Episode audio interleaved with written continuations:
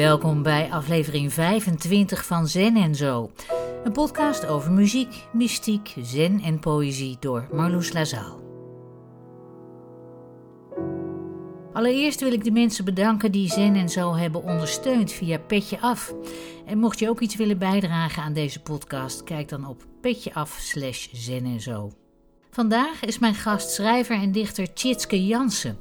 Recent verscheen haar vierde bundel Iedereen moet ergens zijn. Ze groeide op in het gereformeerde Barneveld en ziet vooral haar jeugdherinneringen als haar creatieve bron. Ze combineert in haar werk schijnbaar moeiteloos poëzie, proza en theater en ontving voor haar tweede bundel Curriculum in 2009 de Anna Bijnsprijs. Ze treedt regelmatig op voor jongeren en volwassenen en het voorlezen van poëzie ziet ze als een vorm van theater. Tussen 2008 en 2010 woonde ze in het Schotse boeddhistisch centrum Samyeling. Ik spreek Tjitske Jansen in haar woonplaats Amersfoort. Naast mijn eigen huis wordt op dit moment nogal druk verbouwd. Dus dat is uh, vanaf 7 uur s morgens uh, lawaai. Dus dat leek me niet zo'n geschikte plek voor een interview. Sowieso niet zo'n heel geschikte plek momenteel. Maar... Nou, wat ik me wel bedacht, want je woont dus in Amersfoort.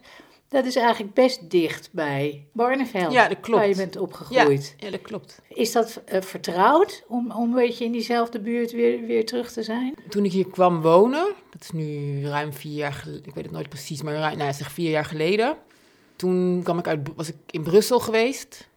En toen was het heel fijn. Toen was ik eigenlijk verbaasd hoe fijn ik het vond om weer meer in de buurt te zijn van een, van een aantal mensen die ik gewoon al mijn hele leven of een groot deel van mijn leven ken. Dus niet dat echt gekozen had, ook ga weer dicht bij Barneveld wonen. Nee, dat... Uh... Maar het is ook niet dat je uh, hebt gedacht ooit, ik, ik, moet zo ver mogelijk van Barneveld weg. Ja, dat heb ik wel ooit gedacht, ja. ja. Elke puber wil sowieso weg, waar die toch zo ver mogelijk van zijn ouders ook weg, of van haar ouders weg. Ik was daar in de middelbare school mee bezig om zo ver mogelijk, zo lang mogelijk uit Barneveld weg te gaan. En dat was toen, toen ik 18 was, was dat was naar een kibbutz gaan was een manier om dat te doen. Dan kon je ver, had je wel geld nodig voor een ticket, maar dan kon je daar lang zijn, lang blijven zonder dat het geld kostte. en hoe zag je dat voor je? Hoe ik dat voor, toen, voordat ik erheen. Voordat ik, nou, ik was eigenlijk teleurgesteld toen ik er was. Want, oh, je bent gegaan? Ja, ja, ik ben gegaan. Ja, ja, ja. Ik ben uh, ja, bijna twee maanden in een kibbutz geweest toen. Een kibbutz tussen Jeruzalem en uh, Tel Aviv in. En uh, ik was eigenlijk teleurgesteld omdat ik had een soort idee van, oh, in een kibbutz is dat dat we dan in een soort huisjes met elkaar op de vloer zitten te praten over het leven. Maar ik zat in een hele luxe kibbutz. Eigenlijk een uitzondering, want uh, het was een van de weinige kibbutzen die, die winst maakte. Of die, of die echt, uh, dus die geen verlies draaide in ieder geval. En er was een tennisbaan en er was een bioscoop. En eigenlijk wat misschien heel veel mensen zouden willen, maar ik was een beetje een feest, weet je wel. En het was niet wat ik had bedacht. Nou, uiteindelijk ook wel een hele fijne tijd lekker in de zon en katoen plukken en appels plukken. En het was, omdat het een luxe kibbutz was, gingen we ook veel in het weekend met een bus dan naar de Negev-woestijn of naar Galilee. Dus echt steeds ergens. Dus ik heb veel gezien daardoor. Dat was wel eigenlijk fantastisch. Nu uh, zijn we hier om te vieren dat jouw nieuwe bundel uit is. Iedereen moet ergens zijn. Gefeliciteerd. Dankjewel. Ja, want hoe, ik kan me voorstellen dat dat ook voelt als uh, een soort geboorte of al eh, eindelijk, maar dat vul ik zelf maar in. Is dat zo? Nee, ik heb nog nooit een. Uh, je bedoelt de geboorte van een kind. Nou, nee, nou, geboorte, nee, nou dat, dat weet ik ook niet. Nee, ik heb ook geen kind, maar ik weet niet hoe dat is. Maar ik denk. Uh, ja, het is wel dan weer dat er echt iets is. Zo. Dat, en ook heel lekker. Ik vind het ook heel mooi hoe het, is geworden, hoe het eruit ziet. Je hebt echt iets in je handen. En het is wel grappig hoe zo'n proces gaat van het, van het maken. En hoe het steeds meer iets dat wordt. En dat het dan toch weer, als je dat dan boekje in je handen, dat het toch altijd zo'n moment is. Dat zul je ook wel weten met cd's. Of dan, ja, nee, zeker, daarom. Nou, en, en jij, uh, er, er, er, verschijnt niet heel veel van jou, toch? Want jouw laatste boek was van 2015. Ja. Omdat er dan inderdaad zes jaar tussen zit. Ja. Uh, zat ik me een beetje af te vragen hoe, hoe je dat deed. Of je dan uh, iets uh, begint en dan weer een tijd weglegt. En, uh, nee, ik, ga, ik, ga op, ik ga echt alleen maar weer iets maken als ik echt voel dat, dat ik weer iets moet maken. Ik ga nooit iets schrijven omdat ik nou eenmaal een schrijver ben. Dus het kwam ook, dus die corona kwam eigenlijk in zekere zin als geroepen, maar het was ook wel bedacht al van dat het in die periode dat had ik al wel, er was al werk gedaan, maar dat ik, dat ik in die periode echt zo door mijn agenda leeg had geveegd. En toen ben je naar Frankrijk gegaan. Tenminste, Weer later. laatste. Ja, weer later. Dat kon, eh, eh, je hebt daar een, een PAF heet dat. Dat is in Noord-Frankrijk. Dat is een voormalig klooster dat Jan- Ritsema heeft gekocht in 2006. En dat is een plek waar kunstenaars kunnen wonen en werken. Maar dat is echt een gigantische plek. En heel fijn. Dus, kwamen, dus het was nu, omdat het, omdat het corona was, was het, was het dan minder druk dan anders. Want het is echt het krioel daar van, eh, van de kunstenaars. En nu was het maximum dan 30. En dan nog, je, hadden een gigantisch gebouw waar we dan in rondliepen. En eh, mooie kamers. En ehm, Zijn dat allemaal Nederlanders? nee, nee, nee, Fransen. eh, er was een meisje uit Estland. eh, ook Nederlands-Belgen. Vooral Fransen waren er nu. Oh, dat klinkt geweldig. Ja, maar ik kan me ook voorstellen dat het enorm afleidt. Ik ging Juist. s'nachts werken daar. Was, niet, was een eh, zangeres die zat in de kelder. Die was ook vooral in de kelder gaan zitten het daar lekker galmt. en eh, dat is eerlijk gezegd ook een zanger. Er is niet zo'n. Nee, nee, dat ga ik. eh, dat is niet boeddhistisch. dat ze ook niet kon zingen. Nee, maar. ehm, nee, die, dus het was wel overdag te, te rumoerig. Dus ik ben inderdaad. Was daar nog een andere componist die ook s'nachts werkte. Ook ik ga het ritme. Met jou, eh, ik ga datzelfde ritme. Dat was heel gezellig, want dan begonnen we om eh 11 uur, 12 uur gingen we eerst kop thee drinken, gingen allebei aan het werk en dan midden in de nacht nog weer een kopje koffie samen drinken. En dan s ochtends voordat we gingen slapen, eh, samen echt soms ook nog koken en eten maken en ontbij- ja, ontbijten dan. Maar dat was heel grappig en goed en dat werkte goed. Dus dan heb je misschien corona maar heel zijdelings meegekregen toen je daar was. Nou, nee, ieder we, hebben, we hielden ons keurig aan de regels en we liepen met mondkapjes op. En in de, wat er ook anders was dan anders, was dat er elke avond eh, twee of drie mensen kookten. Omdat je dus niet met z'n allen in de keuken kon zijn. Wat ik eerst jammer vond, omdat ik nogal op mezelf ben. En dacht, oh, dan moet je samen koken en samen eten. Maar het was eigenlijk heel gezellig, want dan, je bent dan allemaal zo aan het werk.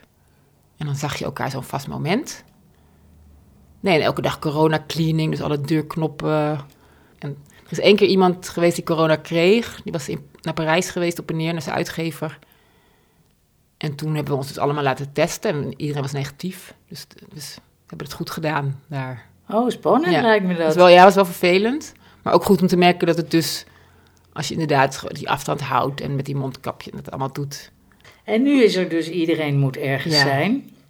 Ik ontkom niet aan de vraag waarom je deze titel hebt gekozen. Die, die woorden zijn van Akon Rinpoche. Heb jij hem wel eens ontmoet, Akon Rinpoche? Nee, nee, Nee. nooit zelf. Wel veel over gehoord. Ja, hij, is, eh, hij is, heeft Samiling eh, gesticht samen met Trungpa Rinpoche eind jaren 60. En ik heb daar drie jaar gewoond. In Samiling in Schotland.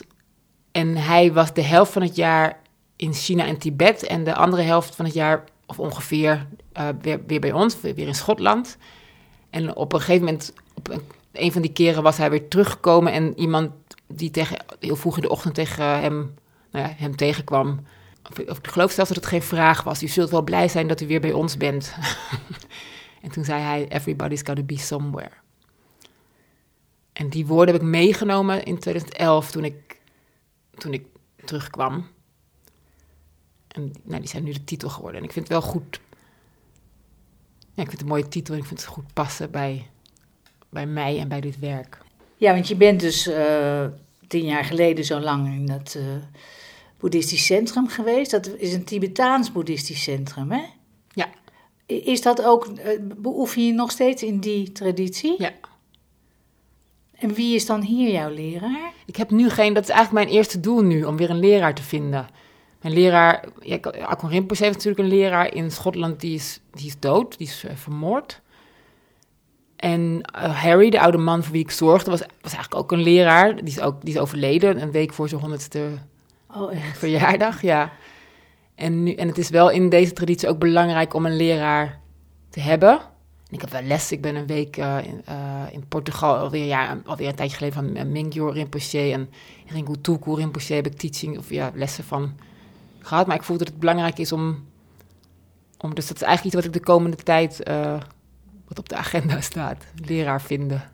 Maar is er iemand in Nederland die in zijn traditie les geeft? Ik of weet- moet je dan eh, naar het buitenland? Ik heb zelf nu, in mijn, ik wil sowieso de komende tijd, misschien dit jaar, misschien nog langer, gaan verschillende kloosters gaan bezoeken. Dus een paar maanden hier, een paar maanden daar. En het gewoon gaan merken. En je hebt in Noord-Frankrijk een klein centrum. Ik wil heel graag naar Canada, waar een centrum is. Maar ik, weet, dus, maar ik wil verschillende plekken gaan uh, bezoeken en, en gewoon achterkomen. En misschien ook wel om langer te blijven. Maar dat weet ik allemaal nog niet. Ook wat de bedoeling is, dat, dat, daar heb je ook weer een leraar voor Wat de bedoeling is voor jouw beoefening? Ja, want ik heb zelf, ik ben zelf natuurlijk teruggestuurd toen ik in Schotland woonde door, door Aquarim Die zei, it's no time for you to have a holiday. Go back to Amsterdam, waar ik toen nog woonde. Maar ik heb wel het verlangen. Ik, heb, ik wil eigenlijk heel, ik dacht, want ik heb toen ook gezegd, ja, maar waarom zou ik teruggaan als ik begrijp dat dat mediteren het belangrijkste is wat ik kan doen? Ik ben daar nog lang niet klaar mee. En toen zei Harry, die oude man, ja, if you, if you stay here, you learn how to deal with boredom, but not with all the rest. Dus ik moest nog even Dus ik ben, ik ben eigenlijk aan het wachten tot ik genoeg gedeeld heb met de rest, dat ik weer terug mag. Nee. je, ja, je hebt verschillende, je hebt gewoon verschillende wegen om te gaan. En ik denk dat er dus, dat, dus ik, dus dan, ja, bedoeling klinkt zo groot. Dus ik heb wel een soort verlangen, bijvoorbeeld om non te worden. Maar ook ergens het idee van, nou ja, als ik teruggestuurd word door een. Dus ik weet dat, dus dat, dat, dat. Maar echt een non, non, een celibataire non? je kijkt erbij van, uh, van uh, krijg je dat voor elkaar? Ja, ja, no, ja no, een leven van meditatie en, en, uh, en bidden ja, en studeren. Oh ja? Ja, dat lijkt me fantastisch. En wel schrijven dan? Ja, dat is dus altijd een beetje de... Dat zijn eigenlijk twee pijlers, of twee... Daar ben ik niet uit. Hoe, hoe, dat, wat, hoe dat er... Ik, ben, ik weet niet hoe het eruit gaat zien. Ik, heb, ik denk dat ik ik weet dat toen ik begon aan deze laatste bundel, ik heb eigenlijk heel, toen ik, of toen ik, er, toen ik het weer oppakte, of dacht ik, dat was vorig, dat was niet, dat twee jaar geleden, december. Dus, dus ruim een jaar geleden. En toen had ik aanvankelijk heel veel tegenzin. Dat is ook op zich niet nieuw. Dus de schrijven is voor mij geen, uh, niet per se uh, van, oh hoi, we gaan schrijven. En toen was die tegenzin op een gegeven moment zo groot geworden dat ik dacht van, nou, ik, ga, ik moet het niet meer doen, ik moet het niet meer willen. En toen was er eigenlijk iemand die zei van, nou, je hebt al heel veel, je hebt al zoveel materiaal. Weet je, dan, dus ik, nou, ik voel eigenlijk dat er iets anders, dat er een andere periode, uh, of dat er iets anders gaat, moet gaan gebeuren. En ik heb schrijven is voor mij een van de dingen waar schrijven voor is en was. En deze eigenlijk minder dan ooit, uiteindelijk, is ook het vormgeven van de pijn. En ik wou iets anders vormgeven. Ik wil iets anders vormgeven dan dat. En of dat dan in het schrijven. Dus ik gewoon iets. Dus dat is echt een, nieuw, een nieuwe taal gaan. En dat, dat is eigenlijk nu al. Dat is eigenlijk al een voorproefje. Want het is hier eigenlijk al een soort van gelukt. Ik, oh ja, dit gaat helemaal niet over uh, uh, de pijn. Nee, nou ja. Nee, het zit er ook in. Het is een onderdeel van. Het is, een, het is, een, het is een mix. Het gaat ook over de fietstocht naar school. Het gaat over in de klaslokaal, de gebeurtenissen in de klaslokaal. Dus het is, een, het is veel meer van alles wat je meemaakt is een manier om te ervaren hoe het is om mens te zijn. Maar het is niet veel meer. Het is alsof het is een beetje alsof een beetje een bezinkingsproces, alsof het steeds meer naar de bodem mag zinken. En dat is er ook. En dat is dan wel opvallend dat mensen dat er altijd weer uitpikken, toch? Terwijl het daar als je. En ik denk dat dat meer te maken heeft met dan dat mensen het andere werk al kennen, dan met het puur lezen van deze bundel. Heb ik de indruk wil je ook vragen of je iets wil voorlezen. Ja. Bladzij 40. Heel graag. Dat vind ik eigenlijk het fijnste. Dat is het leukste eigenlijk, ja. Hè? Ja, want dan horen mensen van, oh, dat, ja, dat, is, dat is wat ik gemaakt heb. Ik dagdroomde over interviews waarin ik vertelde over de wijze waarop ik gekleed ging. In een bepaalde periode van mijn leven moest ik het qua garderobe doen met een ratje toe uit de zak van Max. Tijdens vele schoolpauzes verborg ik me op de wc in kledingstukken die nog bij mij, nog bij elkaar pasten. In die interviews legde ik uit welke filosofie er aan dit ratje toe ten grondslag lag. Dat ik er bewust voor had gekozen. Verwoordde een visie die leek op wat Hugo Claus jaren later tegen me heeft gezegd over zijn schilderwerk. Mijn stijl is mijn stijloosheid. Uit de lengte van de interviews die ik verzon, viel op te maken dat ik de hoofdgast was. Op elk kledingstuk afzonderlijk ging ik in. Kan je nu ook iets uh, zeggen over, over de mijn kleding? Wat je, die, uh, oh, nu vandaag heb ik, uh, ik ben de hele week eigenlijk vrij stijlvol. ik was de hele week onderweg. En ik ben nu echt zo van, gewoon, ja, ik ben gewoon in mijn, in mijn, gewoon in een zwart trui. Dus ik ben nu gewoon in mijn huis, huiskleed. Maar dit is wel een, um, ja, dan moet ik, ja, deze broek is wel gewoon een, ik heb geen kleding meer uit de zak van Max, zeg maar. Nee, gekleed gaan. Nee, dat was vreselijk. Nee. Er stond een recensie in het parool. Denk van, ja, goh, je schrijft wel dan weer, of dan worden die pleegzinnen er weer uitgepikt. Maar niet dat ik over de bomen schrijf. En dat, uh, dat elke boom weet uh, precies hoe die moet zijn. En, en, en, en, uh, en wat ik verder over de bomen schrijf. Of over, over de literatuur en welke rol het in mijn leven heeft gehad. En al die, weet je, er zijn, of over het gewoon van de, van de trap vallen als klein meisje en dan heel erg huilen en een snoepje krijgen. Dus eigenlijk allerlei aspecten, allerlei gebeurtenissen. En het gaat heel erg over de observaties. En dan, dat, dat raakt me wel, dat ik dan denk van, oh, dat willen mensen niet zien, lijkt het. Nou, ik, ik, ik was er zelf ook een beetje mee aan het, nou niet aan het worstelen, maar uh, de eerste indruk was, oh ja, we zijn weer in Barneveld. Hè, zeg maar, omdat het in je vorige ja. bundels daar ook een paar keer over ja. gegaan is. Ja. En dat zijn natuurlijk zulke en hele indringende beelden. En, ja, maar ook uh, niet alleen. Of ja, het, nee, het gaat nee. ook nog een broer die, Ja. een, die een potje, die een scheet opvangt in een potje op de verwarming zet en dan loslaat als ik binnenkom. En over Brabantse tantes die me willen volhangen met, met eh, dus het zijn allemaal beelden uit het leven. En als je zegt, ja, we zijn weer in Barn, zou er ooit iemand eh, aan Yves Klein hebben gezegd van, goh, ga je weer in blauw? Weet je, dus is, dat, is mijn, dat is mijn materiaal. Nou, het is ik- wel al- steeds terug naar je jeugd. Hè? Dat, dat ja, dus ja, zoals Yves Klein, wel- Yves ja. Klein als steeds terug diezelfde kleur blauw gebruikte. En zoals Armando elke keer naar het schuldige landschap. Zo is dat, dit is mijn, ja, ik ben de archeoloog van mijn herinneringen. Dat is mijn werk. Ja, Wat vind je, eh, is daar het meest te vinden in, in je jeugd of, of in die periode tot je voor mij, 20ste, dit, is mijn bron. 25ste? Dit is mijn, dit is, dat is, dus ik, eh, ik heb dat zelf even gedacht van, oh, is het dan weer herinneringen? En toen zei eigenlijk een vriend dat tegen me, van, denk je nou echt dat, eh nou ja, allemaal, je hebt zo, hij zou gubbels ooit hebben gedaan, oh, weer een theepot? Weet je, eh, het is wat je bent als kunstenaar, blijkbaar. Het gaat er niet om, het is niet de vraag van, is daar het meest te vinden? Dat is blijkbaar wat ik te doen heb. Dat is wat zich voordoet. Ja. En eh, ja, ook niet in het algemeen, maar voor jou. ja, Ja, ja, ja. ja, Dat is natuurlijk ook een raakvlak tussen het, het kunstenaarschap en het boeddhisme. Dat in het boeddhisme het idee van wijsheid niet zozeer gaat over nou, er maar lang genoeg zijn om wijs te worden, maar met jeugd verbonden is, met onschuld. Eigenlijk met het terugvinden van of het, of het weer opnieuw onschuldig zijn. Dus het teruggaan naar, naar die periode. Alleen ik zie het niet zozeer als herinneringen bijna. Het is meer, het is eigenlijk wat je allemaal ook nog bent. Maar, maar dus daar weer naar teruggaan, eh, maakt, brengt je ook in contact met eh, weer daarmee. Dat wel, ja, dat denk ik wel. Wil je ook nog een stukje voorlezen? Ja. Naar de grote school. Juffrouw de Roos. Ze had rood haar. Kort. En ze droeg een bril. Geen Janis Joplin bril. Precies de bril waarvan je verwacht dat een juffrouw op een lagere school in een geïnformeerd dorp in 1977 hem zou dragen. Het was spannend om langs het huis te lopen waar zij alleen woonde. Haar ongetrouwdheid was geen vrijgevochten soort ongetrouwdheid vermoed ik. Eerder een geïnformeerd soort, een verdrietiger soort. Ze was niet de enige in Barneveld in wie het tijdperk van de gehoorzaamheid nog doorwerkte. Het leven van de pleegouders, bij wie ik zes jaar later zou gaan wonen, was gemarineerd in verhalen van Godfried Bomans en liedjes als Het Dorp. We risten bessen, we plukten pruimen, vlierbessenbloesem hing op de zolder te drogen om er sap van te maken, zelfgemaakte bramenjam in wekflessen, mirabelle op brandewijn, we knipten punten uit koffiepakken. Licht in de huiskamers was nog niet geïntegreerd in de architectuur. Het kwam uit lampen boven eettafels die allemaal min of meer dezelfde vorm hadden, of uit schemerlampen of uit lampjes bij het bed. Maar in hetzelfde Barneveld waren er ook de op sandalenlopers, de hippieachtige, tuinbroekvrouwen, vergaderingen steeds bij iemand anders thuis, weekenden waarin vrouwen zonder mannen gingen kamperen met elkaar en met hun kinderen.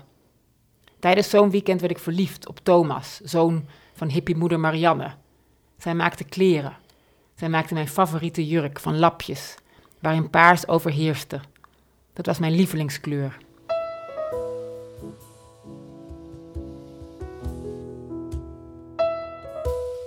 Ik vind het geweldig dat het allemaal nog is. En deze, dit fragment wordt dan gevolgd door drie andere fragmenten van vrienden. Eentje in, dat is Harry, dus in, 2000, in uh, 1915 geboren. één in, in uh, de jaren 50 kind en één in de jaren 60 kind. Dus het is ook een fascinatie voor de tijd waarin we... Iedereen moet ergens zijn, iedereen moet ook in een bepaalde tijd zijn.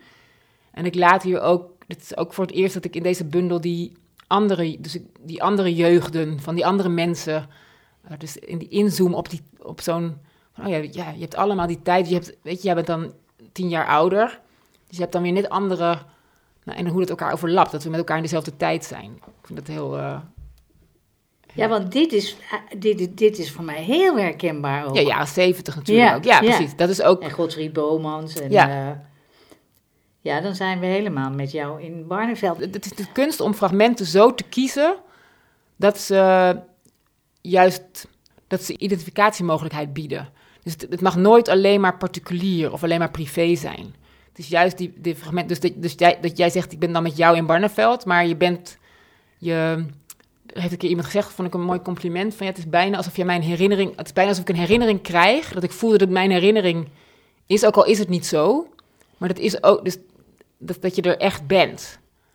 Maar niet per se in mijn Barneveld, maar ook in die tijd. En ik heb zo'n fietsenmaker, die, die ik verderop beschrijf, fietsenmaker in het dorp, die op alle O's een stickertje deed en dan werden het U's en dan waren het geen sportfietsen, maar spurtfietsen.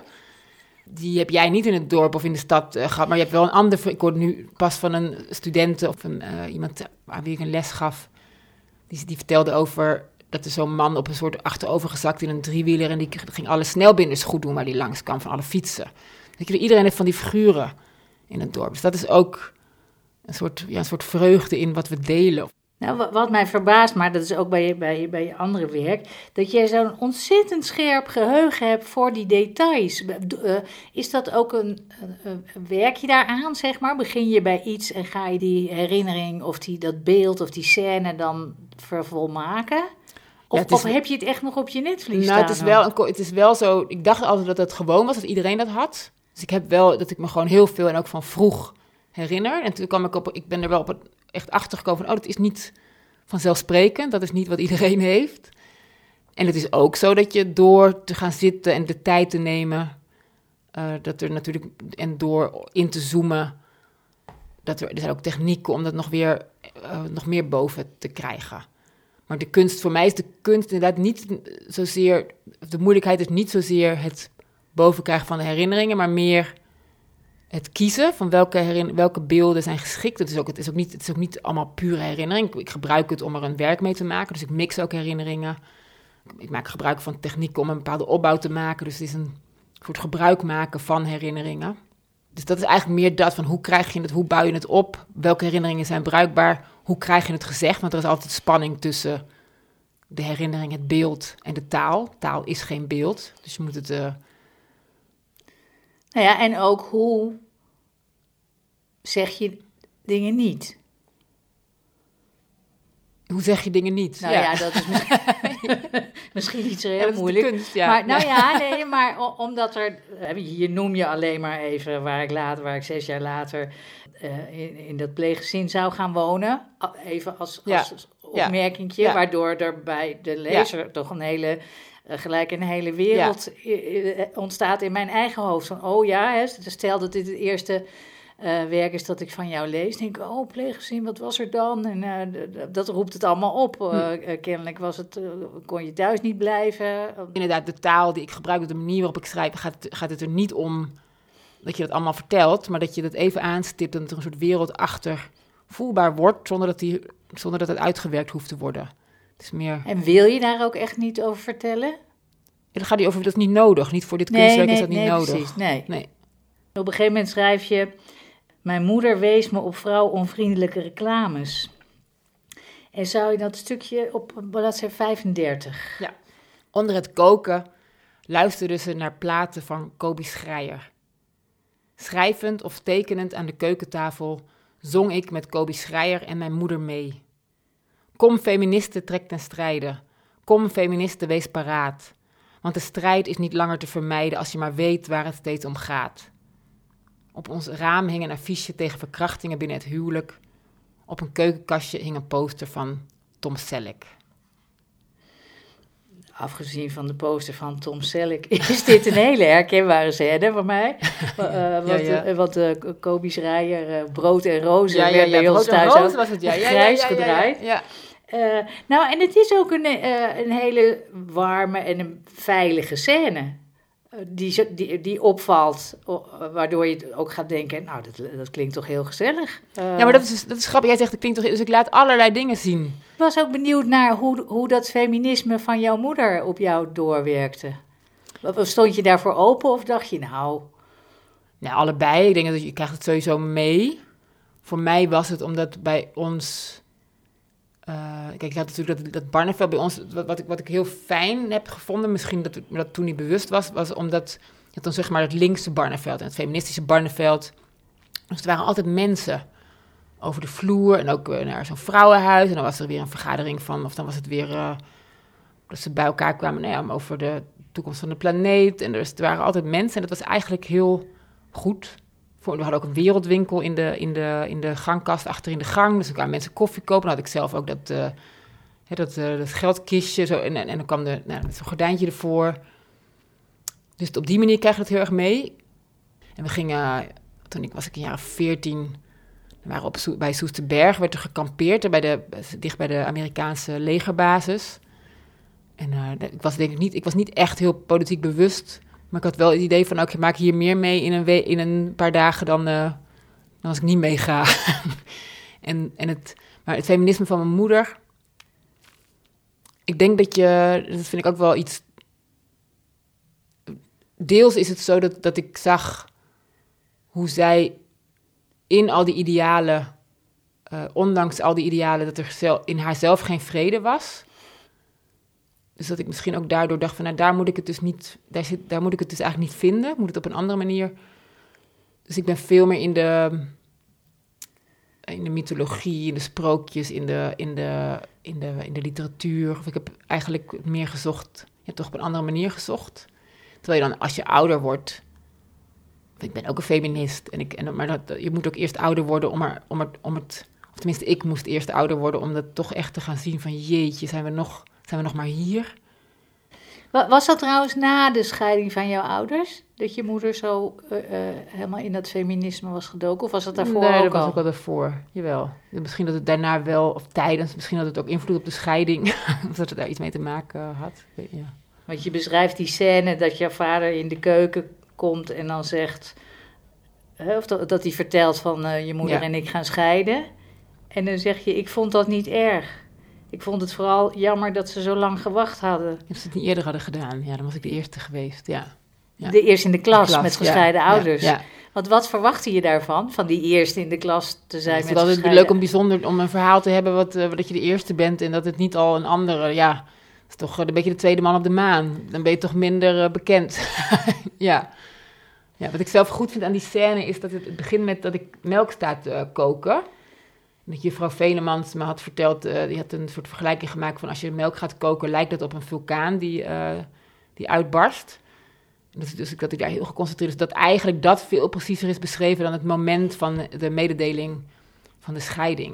En of eigenlijk wordt het koken van die melk belangrijker gemaakt dan een soort, en die scheiding wordt een soort terloops, ook de manier waarop het ging. Dat was ook zo, dus dat, ik vind dat een heel, heel goed gelukte ja, scène. Ja, ja. Heel mooi. Je schrijft op een gegeven moment is er een theatertekst voor het Wilde Oog. En die ook in de bundel. Er zijn meerdere theaterteksten ja. in de bundel opgenomen. En die bestaat eigenlijk helemaal uit vragen uh, over je vader of ja. over iemands vader. Uh, als wat past er meer bij uw vader? Gedichten lezen of vuurwerk maken in schuurtjes. Uh, en dan nog veel meer en nog veel leuker ook. Dus ik was benieuwd of je jouw eigen vader ook zo als personage hebt onderzocht. Nee, nee, dat is ook weer zo fascinerend dat je, of fascinerend is zo'n woord, maar um, dat je eigenlijk altijd, dat het eigenlijk bijna altijd te laat, of later dan je zou willen, is dat je erachter komt, hè, ik had dit nog, ik, ik, mijn vader is vrij jong overleden, was 64, en dat, en, um, dat je de, ook de fascinatie voor de geschiedenis, maar ook de geschiedenis van je familie, ik denk dat dat ook bij veel meer mensen zo is, dat je daar pas later dat je, dat je denkt, hè, waarom hebben ze dit nooit verteld? Of waarom heb ik dit nooit gevraagd? Dus dat ik eigenlijk veel minder van hem weet dan ik zou willen weten. Dus misschien dat die vragen daar ook mee te maken hebben. Dat ik ook, en als ik naar een middelbare school toe ga, dan wil ik het ook nog wel eens zeggen. Van jongens, vertel je ouders vragen. Ook voor als, als schrijver. Als, dus ik denk niet dat ik, nee, helemaal als personage, dat het eerder is van, oh, had ik hem dat maar allemaal gevraagd? Of had ik maar meer gevraagd? Want hield hij van gedichten? Ja, ja hij was, uh, ja, ja, ja, hij was, uh, en van boeken en gedichten, gewoon van literatuur. Hij was een schrijver. Alleen ook een alcoholist. Dat gaat nog wel eens vaker samen, maar, maar dit, hij is niet. Uh, hij was, hij, is, dat zit ook in de bundel, maar was een, was een denker en een intellectueel en een, en een lezer. Dus dat is ook wel een soort pijn die ik voel. Van, oh ja, en ook iets dat ik doe, denk van, oh, ik mag iets doen wat, hij, wat eigenlijk ook van hem was, of heel erg bij hem hoorde. Hij was ook heel, dus hij heeft me afgeraden om te gaan schrijven. Maar toen ik het eenmaal deed, en uh, toen de eerste bundel er was, dat heeft hij nog meegemaakt. Toen was hij de meest trotse persoon op de wereld, ja. ja. Ik, kende, ik was toen bij Baart van Dorp uh, geweest en hij kende die hele uitzending volgens mijn broertje. Ja, hij kent de hele uitzending uit zijn hoofd. ja, wat, wat geweldig. Ja, ja, ja. dat is wel... Ja, dat is wel ook fijn om zo'n herinnering te hebben. Ja. Ja. ja. Wil je nog een stukje voorlezen op bladzijde 56? In 1983 vierde ik mijn twaalfde verjaardag. Minoes van Annie M.G. Smit lag naast mijn ontbijtbord. In de zomervakantie van hetzelfde jaar ging ik terug naar mijn moeder. Vanaf het begin was dat de bedoeling geweest. Het was in ons gezin nog steeds gevaarlijk voor mij. Op een dag belde ik een wegloophuis op de hoek van een straat in een telefooncel. Volgens de vrouw die ik aan de lijn kreeg, klonk ik niet paniekerig genoeg. Elke beslissing in mijn wereld werd genomen zonder er deskundigen bij te halen. Alles werd geregeld in het netwerk van school en kerk. Directe medemenselijkheid zou per definitie waardevoller zijn dan kinderbescherming, vertrouwensarts, psycholoog of psychiater. Tussen 1983 en 1988 heb ik behalve bij mijn moeder bij vier verschillende gezinnen gewoond. Bij dit fragment, daar laat je ook een bepaalde analyse een beetje op Ja, los. hier is dit dus eigenlijk in die zin een, het is een beetje een uitzonderlijk fragment. Dat ik, dat ik, ik heb er ook over getwijfeld, maar dacht ik, ja, dus je hebt meestal dat ik inzoom en ik vond het belangrijk om te, dus het gaat heel, het gaat heel erg over de tijd. Het gaat steeds over de, de tijd waarin je leeft. Ja, dus ieder, iedereen moet ergens zijn en iedereen is ook in een bepaalde tijd. En uh, dat is wel, en ik denk ook dat, ja, dat het voor heel veel mensen herkenbaar is. Van, oh ja, zo'n tijd van, uh, zo'n tuinbroekentijd waarin allerlei, waar eigenlijk hele grote beslissingen over je leven worden genomen. Vanuit een idee van medemenselijkheid, maar mensen vragen zich niet af of zij misschien wel de aangewezen persoon zijn om jou te redden. of uh, misschien, maar dat was wel een verbazing. Of, ja, verbazing en ook in zekere zin, dat ging zo in de jaren zeventig, denk ik. Tjitske en ik blijken op eenzelfde soort gereformeerde lagere school te hebben gezeten, waar je elke maandag een nieuw psalm of gezang moest hebben ingestudeerd, dat daardoor in je geheugen gegrift bleef. Dat je op de meest onverwachte momenten schiet weer op zo'n zit je opeens een psalm te neurien. Dan zit je brood te smeren en ineens zit je, zit je Jezus die langs het water liep, Simon en André. En dan komt het weer. Bo en ik, wat zit ik nou? Ik wil iets anders. Ik wil Beatles in mijn hoofd, weet je. ja, het is echt. Oh ja, elke week een psalm of een gezang. Dat zit er allemaal nog. Vond je dat ook niet leuk? Dat was het enige tien op mijn rapportje. Precies, ja. dus ik weet dan van andere mensen was het echt de hel. Nou, ja, leuk. Het was ook weer gewoon zo. En op zich, ik hield wel van zingen. En ik zong ook op kerkkoor. Dat zit ook in de bundel. Dus dat was dan... Dus je doet dat... Ja, dat vraag je dan... Ik vroeg me dat niet af. Nu, je schrijft je ook in je bundel dat je nog... Zelfs als je al weg bent uit Barneveld, Ja, nog, heel lang nog nog. teruggaat Ja. naar eh, bijeenkomsten van de kerk. Ja, En dat, je hebt een soort opsomming. Dat zijn er dus elke dag is er bijna wel iets te doen. ja. Ehm, Ook weer jaren 70, 80. Ja, en dan invloed. ga je op zondag naar een viering die Agape heet. Acapé. Agape, ik had er nog nooit van gehoord. Acapé, dat, was dat is denk ik door die eh, voorganger... eh, dat, is een woord, dat is een Grieks woord. Je hebt vijf woorden voor liefde in het Grieks. En acapé is de goddelijke liefde. Dus op die avonden kwamen we bij elkaar om met elkaar het leven te delen.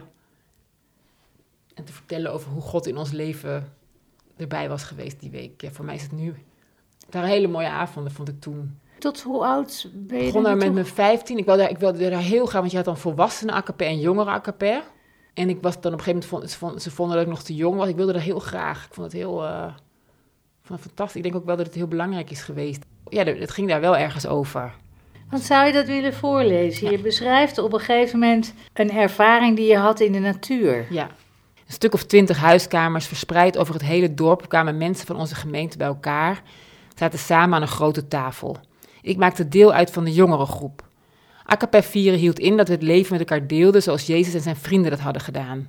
Het begon er altijd mee dat iemand zijn of haar eigen woorden gaf aan de reden van ons samen zijn. Is God de afgelopen tijd in je leven aanwezig geweest? Heb je geleefd in zijn nabijheid? Daar ging het om. Of je goede of slechte cijfers had gehaald, deed niet ter zake. Of je succesvolle vaste verkering had of liefdesverdriet was geen onderwerp. Op een van de AKP-avonden vertelde ik dat ik die middag in het bos was geweest en me ineens volslagen geraakt had gevoeld. Het was geweest alsof het bos een theater was. En precies in de tijd dat ik er was, vond er een voorstelling plaats. Liet het bos me de bij deze voorstelling komende geuren ruiken, bewegingen zien, geluiden horen. De manieren waarop hij het licht doorliet of tegenhield. Langzaam ontplofte bomen. Andere, waarvan de takken zo dun en hangend waren, dat ze een eigen dun hangend woord verdienden. Elke boom wist precies hoe hij aanwezig moest zijn, hoe zacht, fijn, kreukelig, glad, stekelig zijn bast, zijn bladeren, zijn slierten, knoppen, bloemen, takken, twijgen. De man die onze groepen geleidde liet weten dat dit niet de bedoeling was. De vraag of je in Gods nabijheid had geleefd had geen betrekking op zijn schepping. Op die manier dachten we in onze gemeente niet over God. De mens en hoe God met hem meeging. Daar ging het over. Hoe, hoe was dat voor jou dat die man dat, dat zei? Dat was heel lastig. En daar gaat, dus je ziet een aantal uh, uh, fragmenten in de bundel gaan steeds over hoe ik zelf eigenlijk in, in een in onbevangenheid of in, in, in hoe ik leef, dat ik aan het leven ben en of daarover vertel. En dat er dan iemand is die eigenlijk zegt: het is niet precies goed zoals je het ervaart. En ik denk dat het belangrijk is dat om die momenten op het spoor te komen. En ook, ook in, in, in die herinnering, ook in het steeds. Voor daar gaat het, dat is eigenlijk de titel, eigenlijk wat Akko Rinpoche zei, Everybody's Gotta Be Somewhere, als antwoord op, bent u weer blij bij ons te zijn? Dat je jezelf vrij houdt. Dat je mag ervaren wat je ervaart, dat je mag voelen wat je voelt. Dat er niet iemand tegen jou gaat zeggen, nee, dat moet je anders voelen. Want dit, uh, dus dat komt overal, is dat weer, komt dat weer uh, terug, ja. En het is pas later, want ik heb dat ik dat dan meer kan, ja, kon plaatsen, natuurlijk ook weer. Van, van uh, oh ja, dat, hoe belangrijk dat juist is, of hoe fantastische ervaring dat was. En, en dat het eigenlijk ja, niet herkend werd. Nee, want je zou toch zeggen, als iets een religieuze ervaring is, dan Eigenlijk is dit wel, het. ja, ja. In al zijn Ja. glorie en... Ja, nou, daar ging het niet over. Nee, nou ja, maar dat vind ik dan ook... eh, dat zegt natuurlijk ook heel veel over hoe kennelijk in die geloofsgemeenschap... en natuurlijk in veel meer... Nou, ik denk dat dat precies is, het is, dat is voor mij een heel lang proces geweest. Om echt, dus ik heb op mijn achttiende besloten, ik noem God, ik noem die naam niet meer, omdat iedereen bedoelt er weer wat anders mee. En ik dacht, nou, als God er is, zal hij dat vast niet zo erg vinden als ik wel probeer om een goed mens te zijn. Maar het besef van waarom ik ook echt, dus dat, dat ik niet meer, ja, die traditie heeft natuurlijk een rol gespeeld en dat, dat, en dat was een kader voor mijn denken. Dus dat speelt, dus dat heb ik, zit, dat daar zit heel veel van nog in mijn denken. Maar, maar het idee God is voor mij ook echt geen, weet je, dat is niet meer een idee waarin ik, de- ik denk, ja, het boeddhisme is natuurlijk geen, er is geen God. Want een God is een ander. En als je een ander aanspreekt, dan heb je het dus ook over een zelf. En dat is nu juist de illusie waar we van af moeten. Dus zo'n ervaring van in dat bos, dat was veel, ik vind dat nu als ik denk, ja, dat, dat was juist een gebeurtenis dat nu kan herkennen als van, ja, daar gebeurde juist iets, dat je er bent en dat je een soort samenvalt. Ja, dat vind ik nu eigenlijk wezenlijker dan eh, dat gesprek met God. Waar als ik er nu aan terugdenk, ja, dat was helemaal geen gesprek met God. Het was de taal die ik leerde van de mensen die, die zeiden dat ze een gesprek met God hadden. Misschien hadden zij het wel, ik weet niet meer. Dus Maar is dat voor jou nu nog steeds zo, dat God eh, een ander is? ja, daar kun je het over hebben. Maar goed, dat idee is voor mij niet meer in mijn practice of in mijn. eh, ik vind dat wel heftig. Die mensen die, die mijn pleegouders waren en de dominee, die zijn heel belangrijk voor me geweest. Maar ik denk ook, weet je, ik had, er was niks anders. Dus het was ook wel, het was, iets, het was wel iets waarvan ik voelde, oh, hier gebeurt iets wezenlijkers dan. Hè, er wordt wel hier een gesprek over het leven gevoerd. Dus dat is beter dan, weet je, dan, dan. Maar ik denk, ik ben echt me anders gaan ontwikkelen. En ik denk nu echt anders. Ik denk, als er een God, weet je, God, dan is, dan is hij overal. Dan is hij inderdaad, maar, maar ook het hele woord. En, en toch heb je, maar eh, als ik het tenminste uh, goed begrepen heb, in, in het Tibetaans boeddhisme met name ook allerlei deities. Hè? Dat Ja, zijn natuurlijk ja. een soort goddelijke voorstellingen van Ja. aspecten van Ja, jezelf. precies. waar je op mediteert, eh, waar je sutras voor reciteert. Ja. Dus, dus die, die zo- verbeelding... Ja, maar zo is dat, is het, dan is het ook heel erg zo uitgelegd door mijn leraar in ieder geval. Dat het een verbeelding is. Dus het is een, ver- een, een beeld. Dus als je dat, en als je dan dat aanspreekt, dan maak je eigenlijk die eigenschappen in jezelf wakker. Maar dan is het zo openlijk dat het dat is. Het gaat erom of het werkt. Maar het is niet dat, je, dat, je, dat ik echt denk dat er iemand op een lotusbloem eh, boven mijn hoofd... eh, nee. En is het zo, want tenminste dat heb ik altijd begrepen van het Tibetaans boeddhisme, daar zijn allerlei stadia in. Daar kan je opklimmen, zou ik maar zeggen, in je studiepad. Totdat je, nou, ik, ik weet niet Ja, hoe dat weet- heet precies, maar dat, eh, dat Ik is ook in niet. elke stroming weer anders volgens mij. Eh, want dan heb je guru yoga en dan heb je de Mahamudra. Ik ben een van de meest, en, ik ben eh, een van de minst gedisciplineerde practitioners. Ik weet het alle. Ik heb wel verlangen om meer te gaan studeren. Dat is me ook gezegd. Study more. dat zei ook Anke Rinpoche. Maar eigenlijk, en ik, eigenlijk doe ik vrij weinig. Dus ik mediteer elke dag. Dat is wat ik doe. En dat is wel ook in mijn practice wel ook heel belangrijk. Ik weet wel dat het doel van mediteren is verlichting. En, en dat is vrij ingewikkeld, want we- weten niet wat het is. Maar Harry, die oude man voor wie ik heb gezorgd, die zei: eh, Het is echt belangrijk dat dat het doel is. Want als je het doel lager stelt, dan bereik je ook niet meer dan. Je bereikt nooit meer dan het doel wat je stelt. Dus je moet echt het hoogste doel, ook al is het onmogelijk. Alleen het onmogelijk is, het, is de moeite waard. En ik, kom, ik zit nu, denk ik, in een, in een tijd. eh, dat begon eigenlijk in Frankrijk. Toen ik daar, ze ook een hele fijne meditatieruimte. Dat was echt heerlijk. Begon je altijd te transcenderen op de trap, zeg maar. Op weg naar de Steeg je dan op ja. zo? Echt? dat is heel fijn. Maar dat heb je toch als je dan soms al, als je dan gaat mediteren, dat het ergens al, nou ja, begint. Nou, mediteren is ook heel saai natuurlijk vaak, maar ik heb, ik dat weet, je al ik weet dat, nog voordat je bent gaan zitten. ja, en ik weet dat het daar dus niet om gaat. Dan moet je ook meteen weer loslaten. Dat weet ik ook. Ik heb het idee dat ik nu, dat ik nu in het mediteren af en toe ergens iets meemaak wat ik niet zou meemaken als ik niet dat hoger doel had. Dus niet dat ik, dat ik mezelf wijs maak dat ik verlicht ben, maar wel dat ik denk die, die, die grote ambitie om het ook voor iedereen te doen, voor alle wezens. Dat is natuurlijk als je daarmee begint een soort van, nou ja, zeg je dat wel, maar dan voel je ook wel van, ja, ik zeg het wel. Maar ik voel het helemaal niet. Het is een, het is een intentie of het is iets wat je... En dat er ergens iets gebeurt dat ik denk, hé, dat, dat begint meer waar te worden. Dat er iets is eh, waardoor ik werk, dat ik echt meer compassie... eh, nog steeds is het de, compassie van de beginner, maar, maar dat ik denk, oh, er gebeurt iets dat te maken heeft met die grote ambitie. En wat zoveel al is in het weinige wat het is, dat ik ook denk, dat zei Harry ook, er is een point of no return. Dat ik denk, ja, dat, ik denk dat ik dat wel echt eh, voorbij ben nu. Ik wil niet meer, weet je, ik wil echt weten wat er nog meer gaat gebeuren. Nou, ik ben toch nieuwsgierig hoe jij die verlichting dan ziet. Ja, maar dat, is, kijk, dat, is heel, dat weten we niet. Want we zijn niet verlicht, dus dan weten we niet wat het is. Nee, maar, Maar- is dat wel iets waar je permanent in kan geraken? Denk je? Een, een, een, een staat van zijn waar je op een gegeven moment in kan. Daar ben ik eigenlijk niet zo mee bezig. En Ik Nee? heb ook, dat heeft uh, Rinko Tulku een keer gezegd. Vind je, juist omdat je niet weet wat het is, dus dat is dan weer de andere kant. Dus eigenlijk zegt je moet het doel zo hoog stellen, want, eh, want geen, niet geen lager doel. En aan de andere kant is het ook weer het nuchtere en het praktische van, je, we weten niet wat het is, dus zolang je, niet weet wat het is, moet je gewoon proberen to improve yourself. Dus je, je doet gewoon dingen uh, waarvan je weet dat het goed, of je probeert zo min mogelijk schade aan te richten. Je probeert, als het kan, goed te doen.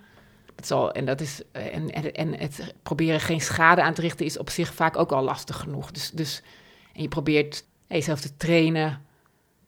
Dus er zijn allerlei dingen die je kunt doen, gewoon die al heel praktisch zijn. Het heeft geen zin voor mij om te geloven van, oh, kun je daar nou de hele tijd in zijn? Ja, weet, weet, ik, weet ik niet. Nee, Ik maar geloof- uh, sowieso in de basisveronderstelling, zou ik maar zeggen, is dat heel anders dan in de zen. Hè, deze podcast heet Zen en zo. Ja. En ik ben natuurlijk van de, van de Ja, zen-tak ja vertel, sport. vertel. Nou, daar, daar kan verlichting gewoon een moment zijn. Een inzicht, een opening. Een, weet je, eh, Ja. eh, ja, je hebt dan nog wel eh, Satori, je hebt nog wel gradaties in verlichting je- in de boeken. Maar dus daar is het klein en dichtbij, zou ik maar zeggen. Het kan, het kan je zomaar even, het is een soort moment van genade dat je even Ja. toevalt. Ja, Zo vloek Ja. op een doordeweekse woensdag. En dan eh, ga je gewoon weer over tot de orde van de dag. en je hebt zulke momenten gehad. Ja, zulke momenten heb ik. En, als ik, zo- en, en eh, inderdaad, als ik ergens langer was, of in de natuur, of in een klooster, of ik had er, stond er meer open voor, dan, dan was ook de ervaring eh, intenser. Ja. Ik heb een aantal ervaringen gehad, maar ik weet ook, dat- ik leer dan ook dat je dat meteen weer los moet laten. Want het is dus niet, het is niet zo dat, dat je moet streven om die ervaringen te hebben. Dat is ook niet, en dat is natuurlijk altijd verleidelijk, want het is eigenlijk zo, dat wil je dan eigenlijk wel. Maar ik heb een aantal ervaringen gehad, nou, ik heb het aan Harry uitgelegd, zei ja, dat is het wel, that's it. En, en ik denk, dus die zo mooi, dat het zo goed was. En dan kan ik kan dat nu niet terughalen, ik kan niet die ervaring terughalen, maar ik kan me wel herinneren dat ik die had. En dat het zo goed was, dat je weet, maar dat bestaat dus. Dit is dus mogelijk.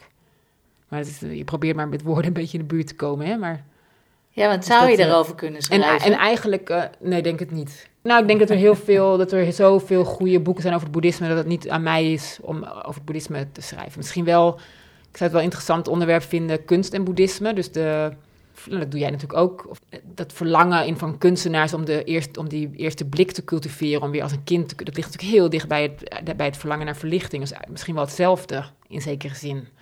Dus dat, ik, dat lijkt me mooi wel. Beginner's mind, zeggen Ja, beginner's wel. mind, ja. ja. Ik zei tegen Harry op, op een gegeven moment: Harry, als ik het goed begrijp, is het beyond words. It's about something beyond words. En toen zei hij: Ja, ja, dat. Toen zei ik: Harry, but I'm a writer. Toen moest hij heel erg lachen. Toen zei hij: Maak je maar geen zorgen, want je bent toch nog lang niet verlicht. Schrijf maar lekker verder.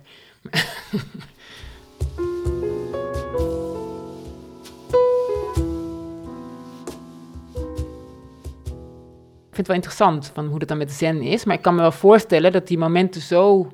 Die zijn eeuwig. Of er zijn soms momenten die zijn eigenlijk zo... Die zijn in hun moment eeuwig. En dat voel je, dat voel ik wel. Maar dat zit ook in bijvoorbeeld in de bundel over de ontmoeting met die pleegmoeder op dat bed. Dat is, dat is voor, ik weet niet of dat verlichting was, maar dat was zo goed. En ik ervaar van, dat is nooit voorbij. Dus alles wat goed was, kan nooit meer veranderen in wat niet goed was. En dat is er nog. Dus ik kan het ook weer... Dat is ook een oefening die ik heb gekregen van een leraar, dat je dat letterlijk naar je hart brengt. Dus dat is er nog. Alles is er nog. Ja, terwijl ook alles vergankelijk is. Ja, maar die, dus, de, dus het eeuwige... Het is er nog ik in jou. daar- ja, ik voel daar een troost in. En, niet in de zin van... eh, ik, heb het, ik hoef het niet vast te grijpen. Dus het is niet zo van oh, dat, ik het wil, dat ik me eraan vast wil klampen. Dat is denk ik de, de, het belang van het bedenken... Dat het weten dat alles voorbij gaat. Dat je niet eraan vasthoudt.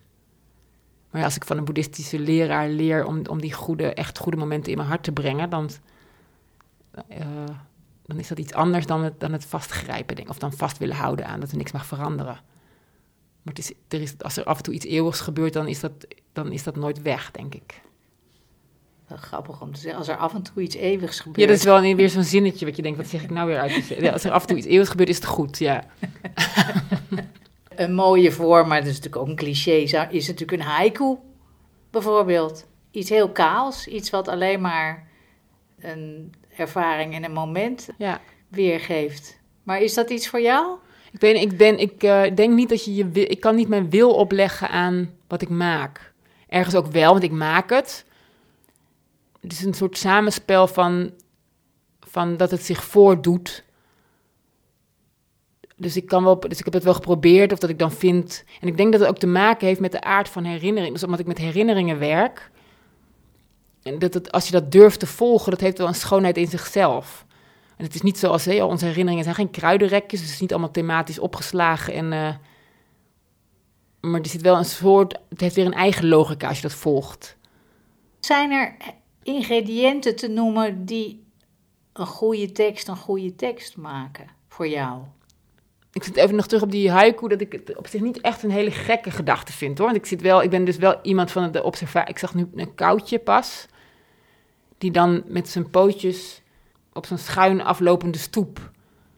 En ik zag, oh, zit een soort, alsof hij een beetje de trap afgaat. En dat vind ik dan wel, dat is dan wel iets heel moois om te zien. Dus ik heb wel dat ik, dat ik heel veel zie waarvan ik dan eigenlijk ook mensen aan, moet je kijken, moet je kijken. Ik hou van het zien of van dingen zien en dan wil ik dat eigenlijk ook, dat is ook denk ik een deel van het schrijven. Ik wil laten zien wat ik zie. En eh, misschien nog wel meer. En dat is ook een soort onmacht dan. Van, oh, dan zie ik zo'n koutje. En dat vind ik dan echt... Moet je nou kijken, moet je nou kijken. Die zwarte pootjes. En dan... Dus ik snap dat je eh, denkt... Oh, is dat niet een vorm misschien voor jou? Maar ik weet niet of dat dan haiku...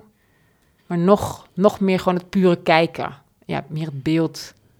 Zoals Chris van Geel, die dan schrijft uh, een, boom, een boom steekt wat hij missen kan. De hemel in, zijn wortels vinden onderdak. Ik, ik, zie, het, is het is niet helemaal zo, maar of, of een, een zee. Er is geen golf die zich ooit boven houdt. Dus elke golf gaat aan zijn eigen gewicht en onder. Maar dan ik nog mooier gezegd. Maar dus die, dat je ook een soort ja, beelden en dan net het beeld iets verder brengt. Of er een. Dat vind ik wel heel mooi. Ja, wat zijn jouw inspirators, schrijvers? Ik lees graag schrijvers die mij veel laten zien. Ja, dus ik, inderdaad, die mij tracteren op beelden. Ik had ook, je had ook gevraagd, neem je iets mee? Dus dan denk ik, oh, dan, uh, uh, ik hou heel erg van Joke van Leeuwen. Ik ben nu haar nieuwe boek aan het lezen. En dan die, ik hou van schrijvers die, waarvan je voelt als ze, het verhaal eigenlijk zelf ontdekken terwijl ze het schrijven. Dus ik hou minder van, van, uh, uh, van een heel plotgedreven soort, hè, wat dan vaak ja, zo goed opgebouwd plot, dat interesseert me niet zoveel. Ik ben meer, ik ben meer van de beelden en van de ontsporende gedachtegangen. Of uh, dus Armando. Ook, en ook van verhalen waarin het los mag blijven. Ik hou erg van uh, Koos van Zomeren, die, die, korte stukjes die hij maakt. Dus dat je, en dat zijn ook weer, men, dan laat hij zien, dan laat hij zien hoe zijn hond met een balletje speelt. En het balletje, maar gewoon zo goed gekeken, zo goed gezien wat er. En ik denk altijd als je goed kijkt, en als iemand goed kan kijken en dat met je deelt. Ja, dus ik hou dus Nabokov die nat asfalt vergelijkt met de huid van een zeehond. Dat is wel een beeld dat ik vaak, dat blijft zo bij. Maar ik hou ook van schrijvers die, um, zoals Wisława Szymborska, die alles bevragen. Dus niks zomaar, weet je, dan heb je de vrouw, zij heeft een gedicht over de vrouw van Lot, die in een zoutpilaar veranderde. En dan, schrijf, dan begint zij het gedicht met: Ja, de vrouw, ze zeggen over mij dat ik omkeek uit nieuwsgierigheid. Maar misschien was het wel omdat ik die rechtschapen nek van mijn uh, echtgenoot voor me niet langer kon verdragen. Of misschien was het omdat ik mijn riempje van me. Of misschien dacht ik aan een zilveren schaal. Dus dan, dus de, of ze schrijft over de dood van een dode kever. Wat sowieso al een mooi onderwerp. Weet je, zo, zo, en hoe ordelijk die dood eruit ziet. Dat gaat ook weer over zien, natuurlijk. En ik hou van makers die werk maken wat, wat niet zo goed te categoriseren valt. Dus als het Wilde Oog, waar ik, waar ik dan ook bestuurslid van ben, dat is een vriend die, die met Spakenburgse vrouwen werkt.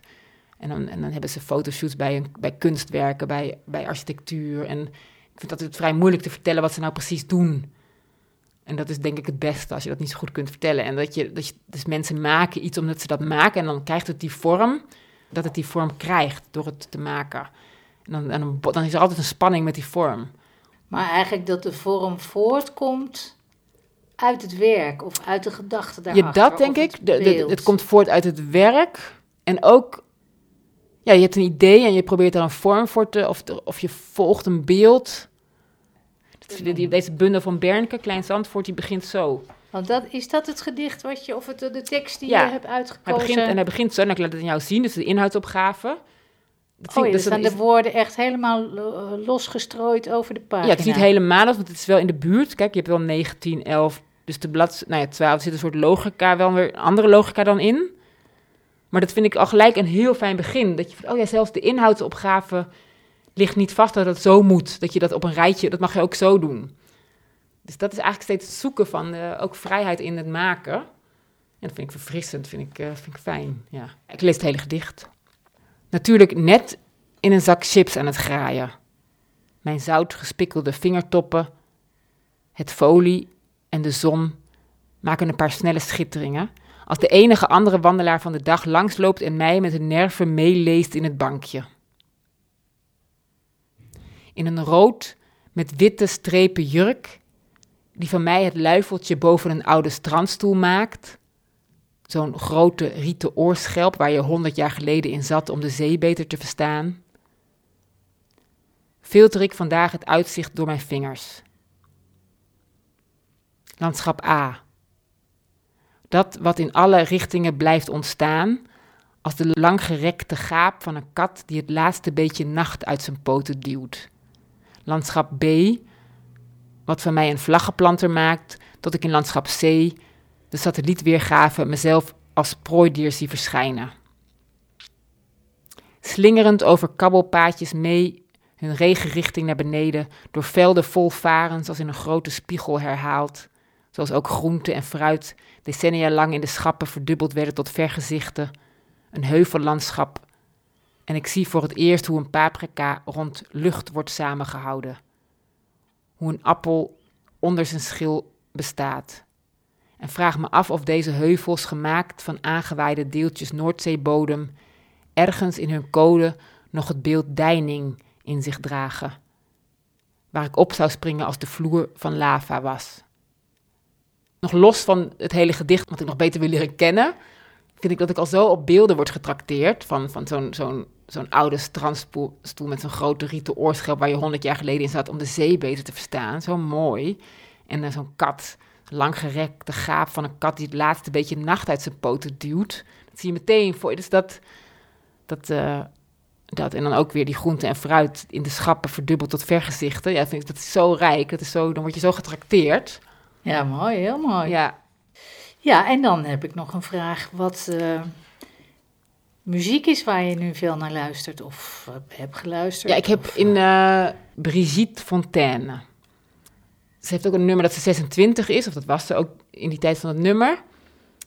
En dan gaat ze over zichzelf vertellen. En het is een soort in flarden van, ja, ik hou van gele, van die gele rivieren. En dan zegt ze eindigt met, ja, nu weet je alles van me. Ik ben bang van vlinders. Ik ben, en haar, mijn vader is doodgegaan in de oorlog. Het, is niet, het zijn allemaal eigenlijk een soort, beetje zoals spinvis. Ja, wel anders ook weer, maar zoals spinvis. Dat je voelt, het zijn een soort opgevangen stukjes zin. J'ai 26 ans. Ik ben 26 jaar. J'ai 26 ans, mais seulement quatre dit-il. Je ne comprends rien à rien. J'ai peur des papillons. Mon père est mort iemand probeert te zeggen. Dat is eigenlijk wat, wat ik heel veel zoek in werk. Van hoe is het voor mensen om te bestaan? Dat zit hier natuurlijk heel erg in. Dus je voelt. Dat zit in de woorden, dat zit in de muziek. Dus je, voelt, je, je, je komt heel dichtbij een, een soort wezen of bij hoe het voor iemand is om er te zijn.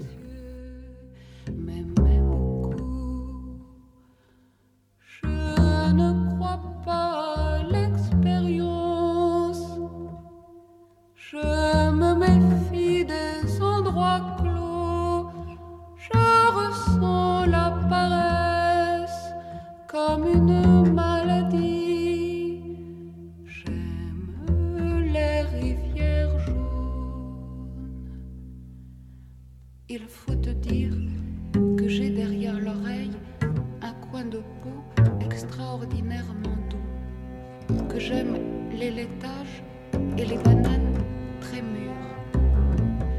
Je souhaite toujours qu'un ouragan m'emporte, sur ce fauteuil avec des sangles de vélo. J'aime toutes les histoires qui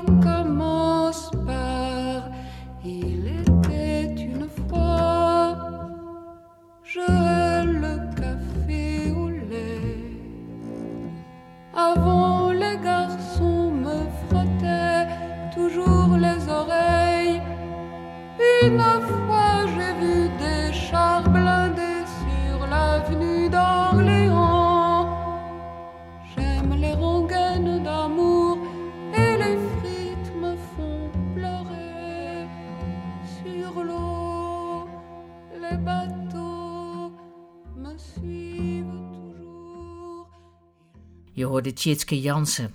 Haar nieuwste bundel, Iedereen moet ergens zijn, verscheen bij uitgeverij Querido. Heb je genoten van deze podcast en wil je iets bijdragen in de onkosten van dit liefdewerkje? Ga dan naar petjeaf slash zen en zo. Jouw bijdrage wordt zeer op prijs gesteld. Mailen kan naar info.marloeslazaal.nl en kijk voor mijn eigen muziek ook eens op mijn Spotify-pagina onder Marloes Lazaal. En als alles weer een beetje open gaat, zullen we in juli ook weer een aantal live concerten gaan geven. Die zal ik op mijn website marloeslazaal.nl vermelden. Mijn volgende gast is zenleraar Tom Lathouwers en daar ben ik erg verheugd over. Met hem zal ik praten over de recent verschenen bundeling van zijn zen-toespraken of tijshows Je kunt er niet uitvallen. De frequentie van Zen en zo moet ik wat gaan aanpassen, omdat er zich ook weer ander werk aan dient. Dus verwacht ik de volgende aflevering over ongeveer drie weken.